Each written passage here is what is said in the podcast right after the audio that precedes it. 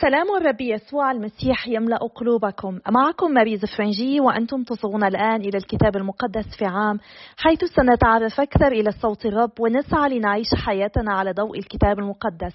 نحن مستمرون في قراءتنا من سفر التكوين إلى سفر الرؤيا. نحاول أن نكتشف قصة الخلاص وأين نحن منها.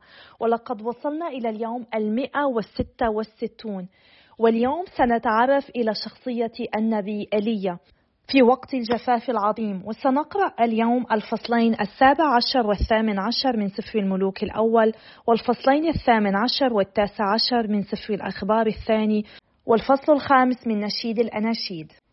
سفر الملوك الأول الفصل السابع عشر. سيرة إيليا الجفاف العظيم الإنذار بالنكبة. فقال إيليا التشبي من تشبة جلعادة لأحاب حي الرب إله إسرائيل الذي أنا واقف أمامه. إنه لا يكون في هذه السنين ندى ولا مطر إلا بأمري عند نهر كريت وكان كلام الرب إليه قائلا. امضي من ها هنا وتوجه شرقا وتوارى عند نهر كريت الذي شرقي الأردن. فتشرب من النهر وقد أمرت الغربان أن تطعمك هناك.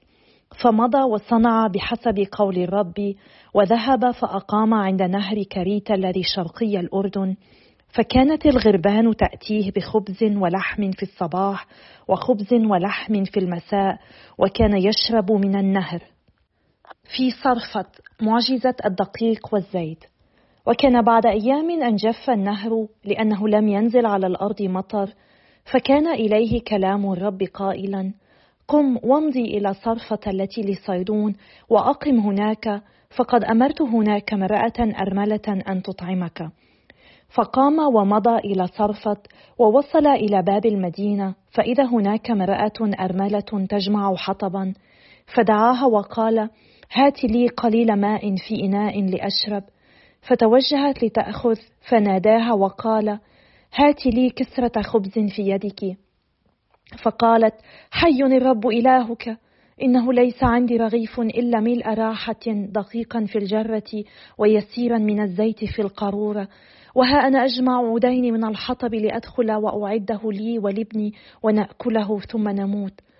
فقال لها إيليا لا تخافي ادخلي فأعدي كما قلت ولكن أعدي لي من ذلك أولا قرصا صغيرا وأتيني به ثم أعد لك ولابنك بعد إذن. فإنه هكذا قال الرب إله إسرائيل إن جرة الدقيق لا تفرغ وقارورة الزيت لا تنقص إلى يوم يرسل الرب مطرا على وجه الأرض. فمضت وأعدت كما قال إيليا وأكلت هي وهو وأهل بيتها أياما وجرة الدقيق لم تفرغ وقارورة الزيت لم تنقص على حسب كلام الرب الذي تكلم به على لسان إيليا. إحياء ابن الأرملة. وكان بعد هذه الأحداث أن ابن المرأة صاحبة البيت مرض وكان مرضه شديدا جدا حتى لم يبق فيه روح. فقالت المرأة لإيليا ما لي ولك يا رجل الله أتيت إلي لتذكر بذنبي وتميت ابني. فقال لها أعطني ابنك. وأخذه من حضنها وأصعده إلى العلية التي هو نازل بها وأضجعه على سريره. وصرخ إلى الرب وقال أيها الرب إلهي أإلى الأرملة التي أنا نازل بها تسيء أيضا وتميت ابنها؟ وانبسط على الولد ثلاث مرات وصرخ إلى الرب وقال أيها الرب إلهي لتعد روح الولد إلى جوفه. فسمع الرب لصوت إيليا وعادت روح الولد إلى جوفه وعاد إلى الحياة. فأخذ إيليا الولد وأنزله من العلية إلى البيت وسلمه إلى أمه وقال إيليا انظري ابنك حي. فقالت المرأة لإيليا الآن علمت أنك رجل الله وأن كلام الرب في فمك حق. الفصل الثامن عشر. لقاء بين إيليا وعبدية وبعد أيام كثيرة كان كلام الرب إلى إيليا في السنة الثالثة قائلا امضي وأري نفسك لأحاب فآتي بمطر على وجه الأرض فمضى إيليا ليري نفسه لأحاب وكانت المجاعة شديدة في السامرة فدعا أحاب عبدية قيم البيت وكان عبديا متقيا للرب جدا. كان لما قرضت إيزابال أنبياء الرب أن عبديا أخذ مئة من الأنبياء وأخفاهم كل خمسين في مغارة وزودهم بالخبز والماء. وقال أحاب لعبديا سر في الأرض إلى جميع عيون الماء وأنهاره. عسى أن نجد عشبا نحيي به الخيل والبغال ولا نعدم من البهائم. فاقتسما الأرض بينهما ليطفا فيها. فسار أحاب في طريق وحده وسار عبدية في طريق آخر وحده. فبينما عبدية في الطريق إذ التقى إيليا فعرفه فارتمى على وجهه وقال أأنت سيدي إيليا فقال له أنا هو. امضي فقل لسيدك هو ذا إيليا فقال ما خطيئتي حتى تسلم الآن عبدك إلى يد أحاب ليقتلني. حي الرب إلهك. إنه ما من أمة ولا مملكة إلا أرسل سيدي إليها في طلبك فيقولون ليس هنا. فيستحلف تلك المملكة أو الأمة أنها لم تجدك. والآن أنت تقول امضي فقل لسيدك هو ذا إيليا فيكون إذا ذهبت من عندك أن روح الرب يذهب بك إلى حيث لا أعلم. فآتي وأخبر أحاب ثم لا يجدك فيقتلني. وعبدك متق للرب منذ صباه. ألم يخبر سيدي بما صنعت حينما قتلت إيزابال أنبياء الرب؟ وكيف خبأت أنبياء الرب مئة رجل كل خمسين في مغارة وزودتهم بالخبز والماء؟ والآن أنت تقول امضي فقل لسيدك هو ذا إيليا فيقتلني. فقال إيليا حي رب القوات الذي أنا واقف أمامه. إني في هذا اليوم أريه نفسي. إيليا وأحاب. فمضى عبديا ولقي أحاب وأخبره فجاء أحاب للقاء إيليا فلما رأى أحاب إيليا قال له أحاب أأنت إيليا معكر صفو إسرائيل؟ فقال له لم أعكر صفو إسرائيل أنا بل أنت وبيت أبيك بترككم وصايا الرب وسيركم وراء البعل. والآن أرسل واجمع إلي إسرائيل كله إلى جبل الكرمل وأنبياء البعل الأربعمائة والخمسين وأنبياء عشتروت الأربعمائة الذين يأكلون على مائدة إيزابال ذبيحة الكرمل. فأرسل أحاب إلى جميع بني إسرائيل وجمع الأنبياء إلى جبل الكرمل فتقدم إيليا إلى كل الشعب وقال إلى متى أنتم تعرجون بين الجانبين؟ إن كان الرب هو الإله فاتبعوه وإن كان البعل إياه فاتبعوه. فلم يجبه الشعب بكلمة. فقال إيليا للشعب أنا الآن وحدي بقيت نبيا للرب وهؤلاء أنبياء البعل أربعمائة وخمسون رجلا فليؤت لنا بثورين. فيختار لهم ثورا ثم يقطعوه ويجعلوه على الحطب ولا يضع نارا. وأنا أيضا أعد الثور الآخر وأجعله على الحطب ولا أضع نارا. ثم تدعون أنتم باسم آلهتكم وأنا أدعو باسم الرب والإله الذي يجيب بنار فهو الله. فأجاب كل الشعب قائلا الكلام حسن. فقال إيليا لأنبياء البعل اختاروا لكم ثورا وافعلوا أولا لأنكم كثيرون وادعوا باسم آلهتكم ولكن لا تضعوا نارا. فأخذوا الثور الذي أعطوهم إياه وأعدوه ودعوا باسم البعل من الصبح إلى الظهر وهم يقولون أيها البعل أجبنا. فلم يكن من صوت ولا مجيب وكانوا يرقصون حول المذبح الذي كان قد صنع. فلما كان الظهر سخر منهم ايليا وقال اصرخ بصوت أعلى فإنه إله فلعله في شغل أو في خلوة أو في سفر أو لعله نائم فيستيقظ. فصرخوا بصوت أعلى وخدشوا أنفسهم على حسب عادتهم بالسيوف والرماح حتى سالت دماؤهم عليهم. وانقضى الظهر وهم يتنبؤون إلى أن حان إصعاد التقدمة. وليس صوت ولا مجيب ولا مصغ فقال إيليا لكل الشعب اقتربوا مني. فاقترب كل الشعب منه فرمم مذبح الرب الذي كان قد تهدم وأخذ إيليا اثني عشر حجرا على عدد أصباط بني يعقوب الذي كان كلام الرب إليه قائلا إسرائيل يكون اسمك. وبنى تلك الحجارة مذبحا على اسم الرب وجعل حول المذبح قناة تسع مكيالين من الحب ثم رتب الحطب وقطع الثور وجعله على الحطب وقال املأوا أربع جرار ماء وصبوا على المحرقة وعلى الحطب. ثم قال ثنوا فثنوا. ثم قال ثلثوا فثلثوا. فجرى الماء حول المذبح وامتلأت القناة أيضا ماء. فلما حان إصعاد التقدمة تقدم إلي النبي وقال أيها الرب إله إبراهيم وإسحاق وإسرائيل ليعلم اليوم أنك إله في إسرائيل وأني أنا عبدك وبأمرك قد فعلت كل هذه الأمور. أجبني يا ربي أجبني ليعلم هذا الشعب أنك أيها الرب أنت الإله وأنك أنت رددت قلوبهم إلى الوراء. فهبطت نار الرب وأكلت المحرقة والحطب والحجارة والتراب حتى لحست الماء الذي في القناة. فلما رأى ذلك كل الشعب سقطوا على وجوههم وقالوا الرب هو الإله الرب هو الإله. فقال لهم إيليا اقبضوا على أنبياء البعل ولا يفلت منهم أحد. فقبضوا عليهم فأنزلهم إيليا إلى نهر قشون وذبحهم هناك. انتهاء الجفاف. وقال إيليا لأحاب اصعد وكل واشرب فهو ذا صوت ضوي مطر. فصعد أحاب ليأكل ويشرب. وصعد إيليا إلى رأس الكرمل وانحنى إلى الأرض. وجعل وجهه بين ركبتيه وقال لخادمه اصعد وتطلع نحو البحر. فصعد وتطلع وقال ما من شيء. فقال له ارجع على سبع مرات.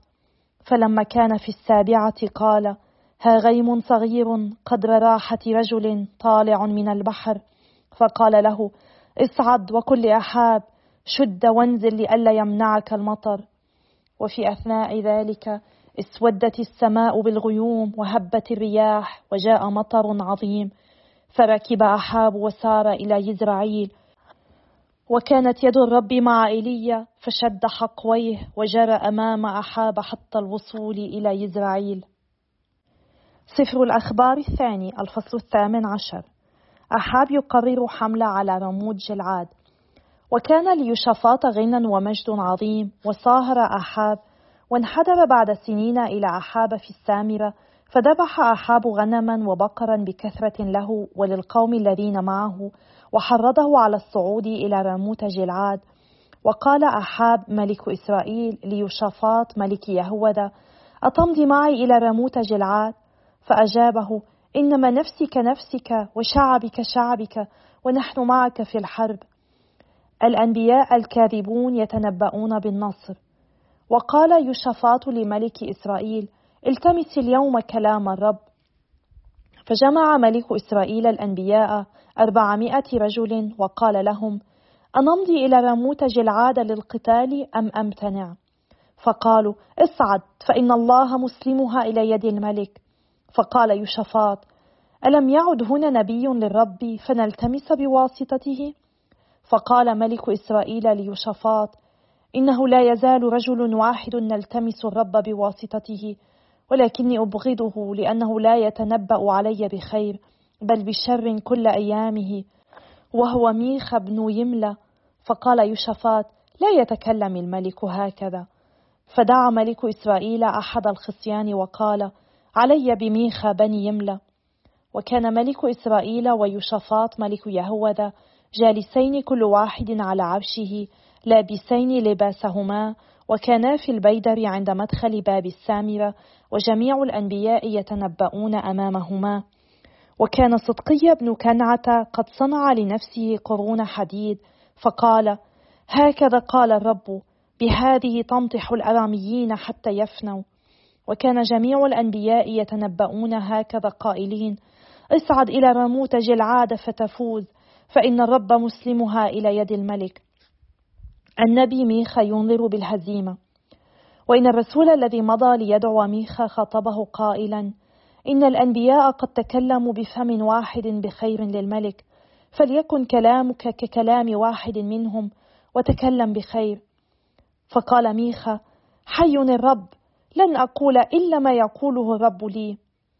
وأتى إلى الملك فقال له الملك يا ميخا أنمضي إلى راموت جلعاد للقتال أم أمتنع؟ فقال اصعدوا فتفوزوا فإنهم يسلمون إلى أيديكم. فقال له الملك كم مرة أستحلفك ألا تكلمني إلا بالحق باسم الرب فقال رأيت كل إسرائيل مبددا على الجبال كالغنم التي لا راعي لها. فقال الرب ليس لي هؤلاء سيد فليرجع كل منهم إلى بيته بسلام. فقال ملك إسرائيل ليوشافاط ألم أقل لك إنه لا يتنبأ علي بخير بل بشر؟ فقال ميخا اسمعوا كلام الرب. رأيت الرب جالسا على عرشه وجميع قوات السماء واقفة على يمينه وشماله. فقال الرب من يغوي أحاب ملك إسرائيل حتى يصعد ويسقط في راموت جلعاد؟ فقال هذا كذا وقال ذاك كذا. ثم خرج روح ووقف أمام الرب وقال أنا أغويه؟ فقال له الرب بماذا؟ فقال أخرج وأكون روح كذب في أفواه جميع أنبيائه. فقال الرب إنك تغويه وتنجح فاخرج واصنع هكذا. والآن فقد جعل الرب روح كذب في أفواه أنبيائك هؤلاء والرب تكلم عليك بالشر. فتقدم صدقي بن كنعة ولطم ميخا على خده وقال من أي طريق عبر روح الرب مني ليكلمك؟ فقال ميخا سترى هذا يوم تدخل فيه مخدعا ضمن مخدع لتختبئ. فقال ملك إسرائيل خذوا ميخا وردوه إلى آمون رئيس المدينة ويؤاش بن الملك وقولوا هكذا أمر الملك ضعوا هذا في السجن وغذوه بخبز الضيق وماء الضيق إلى أن أرجع بسلام. فقال ميخا إن رجعت بسلام فلم يتكلم الرب في وقال اسمعي أيتها الشعوب جمعاء. موت أحاب في راموت جلعاد. ثم صعد ملك إسرائيل ويوشفاط ملك يهوذا إلى راموت جلعاد. فقال ملك إسرائيل ليوشفاط أنا أتنكر وأذهب إلى القتال وأما أنت فالبس لباسك. فتنكر ملك إسرائيل وذهب إلى القتال وأمر ملك أرام رؤساء مركباته قائلا لا تحاربوا صغيرا ولا كبيرا إلا ملك إسرائيل وحده. فلما رأى رؤساء المركبات يشفاط قالوا هو ملك إسرائيل. فأحاطوا به ليقاتلوه فصرخ يشفاط فأغاثه الرب وردهم الله عنه. ولما رأى رؤساء المركبات أنه ليس بملك إسرائيل رجعوا عنه. وإن رجلا رمى قوسه غير متعمد فأصاب ملك إسرائيل بين مفاصل الدرع فقال لسائق مركبته عد إلى الوراء واخرج بي من الحومه فإني قد جرحت. واشتد القتال في ذلك اليوم وملك إسرائيل واقف بمركبته مقابل أرام إلى المساء ومات عند غروب الشمس. الفصل التاسع عشر. ورجع يوشافاط ملك يهوذا بسلام إلى بيته في أورشليم فخرج للقائه ياهو بنو حناني الرائي وقال للملك يوشافاط أينصر الشرير وتحب مبغضي الرب؟ فلذلك عليك الغضب من قبل الرب غير أنه قد وجدت فيك أمور صالحة فإنك أزلت الأوتاد المقدسة من هذه الأرض وهيأت قلبك لالتماس الله. إصلاحات قضائية. وسكن يوشافاط في أورشليم ثم عاد وتفقد الشعب من بئر سبعة إلى جبل أفرائيم ورده إلى الرب إله آبائه. وأقام قضاة في تلك الأرض في جميع مدن يهوذا المحصنة في مدينة فمدينة. وقال للقضاة انظروا ما أنتم فاعلون فإنكم لستم تقضون لبشر بل للرب وهو معكم في إصدار الحكم. والآن لتكن مخافة الرب عليكم واحترسوا مما تعملون لأنه لا ظلم عند الرب إلهنا ولا محاباة وجوه ولا أخذ رشوة. وأقام يوشفاط أيضا في أورشليم من اللاويين والكهنة ومن رؤساء أباء إسرائيل لإصدار أحكام الرب ولمحاكمة سكان أورشليم وأوصاهم قائلا هكذا تفعلون بتقوى الرب بأمانة وبقلب سليم. وأي دعوة رفعت إليكم من إخوتكم الساكنين في مدنهم سواء أكانت قضية دم أو شريعة أو وصية أو فرائض وأحكام فأنذروهم بأن لا يأثموا إلى الرب فيكون الغضب عليكم وعلى إخوتكم. هكذا افعلوا فلا يكون عليكم إثم. وهذا أمري الكاهن رئيس عليكم في جميع أمور الرب وزبديا بن إسماعيل رئيس على بيت يهوذا في جميع أمور الملك واللاويون كتبة أمامكم. فتشددوا واعملوا وليكن الرب معكم بالخير. نشيد الأناشيد الفصل الخامس. الحبيب قد أتيت إلى جنتي يا أختي العروس وقطفت مري مع أطيابي وأكلت شهدي مع عسلي وشربت خمري مع لبني. كلوا أيها الأخلاء اشربوا واسكروا أيها الأحباء. القصيدة الرابعة الحبيبة. إني نائمة وقلبي مستيقظ إذا بصوت حبيبي قارعا. أن افتحي لي يا أختي يا خليلتي يا حمامتي يا كاملتي. فإن رأسي قد امتلأ من الندى وخصائل من قطرات الليل. قد نزعت ثوبي فكيف ألبسه؟ قد غسلت رجلي فكيف أوسخهما؟ حبيبي أرسل يده من الثقب فتحركت له أحشائي. فقمت لأفتح لحبيبي وكانت يداي تقطران مرا وأصابعي بالمر السائل على مقبض المزلاج. ففتحت لحبيبي لكن حبيبي ولى ومضى. نفسي فاضت من تواريه التمسته فما وجدته ودعوته فلم يجبني. صادفني الحراس الطائفون في المدينة فضربوني وجرحوني وحراس الأسوار نزعوا عني ردائي. استحلفكن يا بنات أورشليم إن وجدتن حبيبي بماذا تخبرنه؟ بأن الحب قد اسقمني الجوقه ما فضل حبيبك على حبيب آخر أيتها الجميلة في النساء؟ ما فضل حبيبك على حبيب آخر حتى تستحلفين هكذا؟ الحبيبة حبيبي أبيض أصهب علم بين ألوف رأسه ذهب خالص وإبريز وخصائله كسعف النخل حالكة كالغراب. عيناه كحمامتين على أنهار المياه تغتسلان باللبن الحليب. وهما جاثمتان على الحوض خداه كروضة أطياب وزهراء رياحين وشفتاه سوسن تقطران مرا سائلا يداه حلقتان من ذهب مرصعتان بالزبرجد وبطنه كتلة عاج يغشيه السفير. ساقاه عمودا رخام موضوعان على قاعدتين من إبريز وطلعته كلبنان. هو مختار كالأرز حلقه كله عذوبة بل هو شهي بجملته هذا حبيبي وهذا خليلي يا بنات أورشليم. أيها الآب الأزلي إننا نشكرك نشكرك على حبك لنا. نشكرك لأنك تكشف لنا مرة أخرى كيف تتدخل في التاريخ كيف تتدخل في حياتنا في كل ظروفنا بكل أمانتك حتى عندما نكون غير أمناء. أنت لا تتخلى عنا يا رب. أنت دائما تدعونا إليك. أعطنا يا رب أن نتجاوب دائما مع دعوتك لنا. من كل قلبنا وكل نفسنا وكل قدرتنا وكل فكرنا.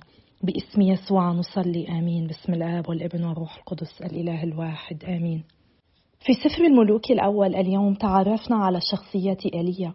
هذا النبي العظيم الذي سمع كلام الله وأطاعه وذهب اولا إلى نهر كريت وهناك اختبر محبة الله له ورعايته. وبعيشه هناك في خلوة مع الله عند النهر كانت له فرصة للصلاة والتأمل ولتمتين هذه العلاقة مع الله مما ساعده أن يقف بالشجاعة أمام الملك الشرير أحاب.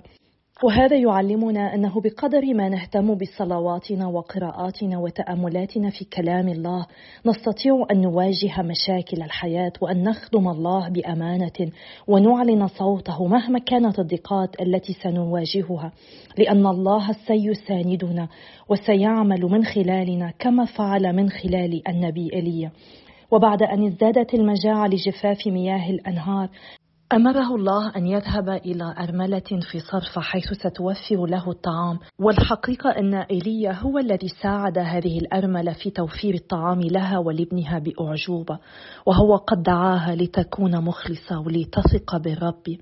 هذه الأرملة بعض الآباء ينظرون إليها على أنها رمز للكنيسة التي ظهرت في مظهر ضعف ولكن الله يعمل فيها لأجل إيمانها به وهي تجمع الأمم كما اليهود.